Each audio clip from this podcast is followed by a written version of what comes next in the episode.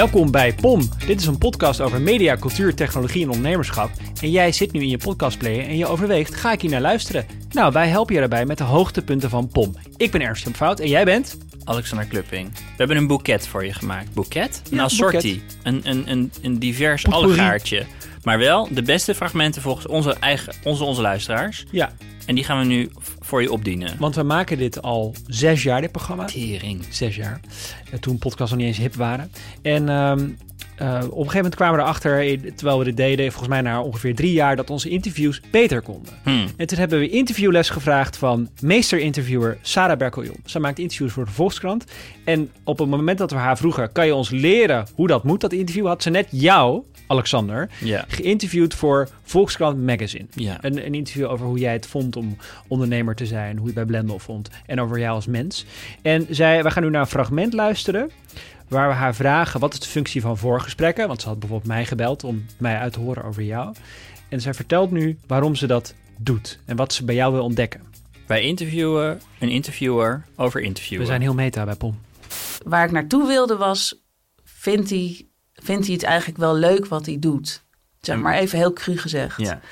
Eh, en dan hoop je dat, dat jij in dit geval daar eerlijk iets over gaat vertellen. En dat je niet gaat zeggen, nee, ja, het, is allemaal, het gaat allemaal hartstikke goed en ik vind het heel leuk. En, dan, en als je dat had gezegd, dan had ik kunnen zeggen, nou ja, maar ik heb wel dit en dat gehoord van Ernst of zo. Weet je wel. Dan is dat zijn momenten waarop je dan die gesprekken kan inzetten.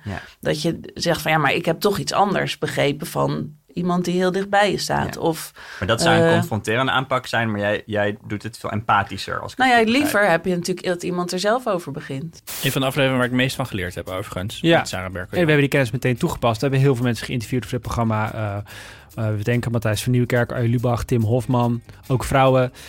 En ook, maar ook Sander Schimmelpenning. Maar ook nog een andere man. Ja, en ehm, ja, ik, ik ben best trots op dit interview. We hebben al die kennis die Sarah met ons gedeeld heeft, hebben we toegepast. En het ging er eigenlijk over, Sander was op dat moment heel succesvol met Quote als hoofdredacteur. Op één was hij een van de presentatoren.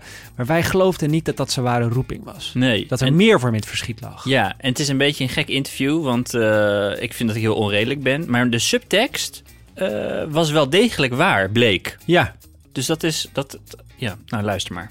Dus de, dus de Maar waarom dingen doe je dat? Waarom hou je het zo veilig? Nou ja, eh, ik, ik ben eh, natuurlijk eh, pas 3,5 jaar hoofdredacteur van Quote. En ik ben pas een half jaar bezig met, of vijf maanden bezig met op één. Dus ik probeer dingen. En als ik nou al vijf jaar op één aan het presenteren was en nog steeds zo'n verhaal had, dan had je kunnen zeggen: Nou ja, waarom doe je dat nou zo lang? Maar ik, laten we wel wezen, ik doe deze dingen allemaal pas net. Maar je wordt een beetje defensief ervan, maar, maar snap je echt niet wat ik met, met de vraag bedoel? Ik snap heel goed wat je met de vraag bedoelt. En ik denk ook dat die terecht is. En ik denk dat ik daar dus ook nu heel erg mee bezig ben. Met wat is die kern? Wat is dan het grote ding waar ik eh, alles in wil stoppen? Je weet dat gewoon nog niet. Ik weet dat gewoon nog niet. Nee, ik ben een, eh, een twijfelende millennial. Een paar maanden, nou niet eens, een paar weken later ontslag genomen als hoofdredacteur van Quote. En als presentator van Op 1 in zijn eigen podcastbedrijf begonnen. En dat is een enorm succes. Hashtag inspiratie, dat is Ja. wat we ook brengen. Ja, ehm, wat, we, wat we ook brengen is... ehm, af en toe dan offeren we onszelf gewoon op. Dan eh, nodigen we iemand uit, noemen een Marcel van Roosmalen. Hmm. En dan zeggen we, Marcel, zeg wat je op je lever hebt. Terwijl we weten, die mag het ons kapot maken. Dat gebeurde ook. Het is de best beluisterde aflevering van POM ooit. Dat is uiteindelijk wat de mensen willen. Ons, ons te zien eh Creperen. creperen op de grond. Met de beentjes en handjes de lucht in. Zoals deze aflevering met Marcel van Roosmalen.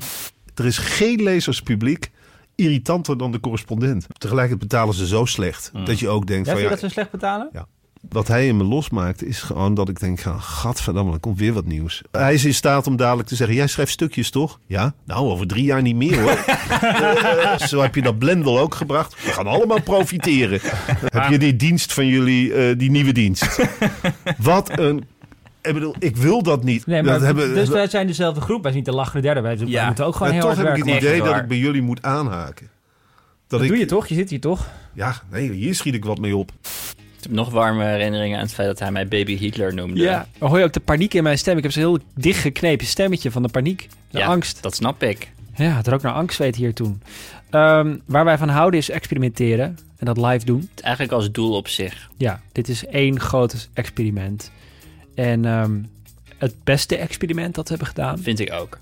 is een GPT-3-aflevering. Dat is een algoritme dat als je dat teksten voedt, bijvoorbeeld alle afleveringen van POM, dan maakt hij daar een POM-achtige tekst van. Dat script hebben wij voorgelezen. Ja, dus een robot schrijft een POM-aflevering. Dat Ja. is eigenlijk wat het is. En wij hebben, dat, wij hebben gezegd, dankjewel robot, we gaan het voorlezen. Maar we hebben niet verteld eh, dat, dat het door een robot geschreven is. Dus de, luister, de argeloze luisteraar die gewoon in, in vrolijkheid aan het stofzuigen is en op play drukt, die dacht, ik krijg nu een normale aflevering. Maar dat ging al snel een beetje uit de bocht. En ik moet ook zeggen, tijdens die 20 minuten wordt het ook gekker en gekker. Eh, in het begin lijkt het nog redelijk normaal. Luister het vooral terug. Maar het fragment dat we nu gaan laten horen... bere- bereikt het al een hoogtepunt waarin wij het niet echt met droge ogen nog konden voorlezen. De helft van de mensen gaf aan na het einde van het luisteren van zelfs dit fragment... dat ze dachten dat het echt was. Ja. Eh, hebben het nieuws meegehaald. en op één. En dat En is op toch één, het ja, hoogtepunt het uiteindelijk in je, in je leven. Maar goed, zo klonk dat. Ik heb hier wel een andere theorie over. Weet je nog dat ik... eh, ja, ik heb je toch een keer verteld over mijn bedovergrootvader... die uit de, uit de lucht viel. dat nog? dat is echt een raar verhaal. Hij was een astronaut. En ik lach er nu om, maar het was een verschrikkelijke tragedie. Eh, het leidde wel tot de uitvinding van, van die moderne veiligheidsharnassen, weet je wel? Hoezo lach je? Het is mijn bedovergrootvader. Eh dankzij wat er met hem overkomen is... kunnen we nu wel veilige gebouwen bouwen. Het Ja. nieuwe World Trade Center, prachtig. Dat heeft bijvoorbeeld een veel sterkere basis dan het oude. Oh ja. Ik heb erover gelezen. Ja, dat is echt cool. En ehm, we hebben natuurlijk ook we hebben aan de luisteraar gevraagd... wat zijn jullie favoriete afleveringen? Daar komen ook dingen uit waar we zelf misschien niet met zoveel plezier op terugkijken. Namelijk de grootste ruzie die plaats heeft gevonden in de geschiedenis van POM. Oh, ik vond het heel plezierig hoor. Ja? Ja hoor. Nou, ik vond het heel ongemakkelijk. Ik zat daarbij tussen twee vrienden die elkaar in de haren vlogen. Twee vrienden. Waar ken ik ze toch van? Eh, en dat was, het, was, het was verschrikkelijk. ik kan ook, dit is vier jaar geleden, maar ik droom er nog steeds wel eens van. Het is Rob, mijn vriend, Robbie Wijnberg, maakt ruzie met mijn andere vriend, Alexander Klupping. En, eh, oh, dat gaat over de NOS. Natuurlijk gaat het over de NOS. Hoe kan je nou zeggen dat in een land waar we echt onwijs trots kunnen zijn op het feit dat Je we nog, ook je mouwen op. ja, dat we nog één soort van eh, overkoepelende eh, autoriteit hebben. Ja, maar dat is het dus om ons niet. heen overal alles is ingestort aan, aan vertrouwen in de journalistiek. Hoe kun je niet wakker liggen van het feit dat wij zo'n parel nog in huis hebben? Nou, omdat het geen parel is. Gewoon hun morele kompas is helemaal zoek. Ze hebben gewoon geen idee meer waar dat nieuws over moet gaan. En ze Ja, maar- hebben, eh, zeg maar, op het moment dat eh, gewoon Rutte over een bananenschil uitglijdt en iedereen praat er over social media, is dat gewoon niet, niet eens zozeer van moeten we daar iets mee, maar dan is het gewoon oh mijn god, eh, eh, stop, eh, ik bedoel, ehm eh, vliegt de camera's in en we moeten nu een extra uitzending inlassen, want iedereen heeft het hierover. Ik krijg nog steeds kippenvel van op een slechte manier.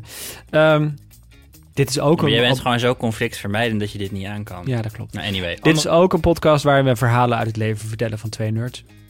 En het Nou, meest een andere kortstroom. Ja, het meest bijzondere verhaal, dat, dat, wil ik wel, dat wil ik wel zeggen, dat heb jij verteld. Dit ging erover dat je de pincode was vergeten van je crypto-kluis. Je Ja. had daarvoor een enorm bedrag aan crypto liggen, Ja. maar je wist niet meer hoe je erbij moest komen. Ja. En eh, je vertelt daarover en wat er vervolgens gebeurde. Daar laten we je mee achter. Geniet ervan. Eh, als je meer van, van, van dit soort confrontaties, mm, experimenten, levenslessen en kortstromen wil, interviews wil horen, stort je dan in onze feed. Dankjewel dat je ons een kans geeft. En we laten je achter met de crypto-hypnotiseur van Alexander. En ik ga dat hele proces door met die pincode. En ik voer die, die code in. En er staat 0 ether. Dus ik dacht... Oké, ik voer hem nog een keer in. Voor die zin in. 0 ether. Ik dacht, dit is niet goed. Weet je, ik bedoel, het, het is niet zoveel geld. Maar voor mij doen is echt... Jezus, ik, was echt wel even... Ik dacht, dit is gewoon weg. En ik Ja. hield daar wel een beetje rekening mee. Dus ik ging, eh, ik dacht van nou oké, dit heeft geen zin. Het is één uur s'nachts, ik moet naar bed, ik ga slapen. Ja. Dus ik ging slapen. En toen ging ik dromen. Dus ik had gedroomd over een crypto-hypnotiseur die ik via Skype eh, had eh, ingebeld. Die betaalde ik ook daarvoor om, om mij via Skype onder hypnose te brengen. Om dan het wachtwoord uit me te halen. En daar kwam dus een wachtwoord uit in die droom. en ik werd wakker 's ochtends. ik, ik werd wakker 's ochtends. En toen eh, ging ik achter mijn computer zitten. En toen voerde ik dat wachtwoord in uit mijn droom. En toen, en toen was het hem. Jesus. Toen stond alles er. Wauw. Ja,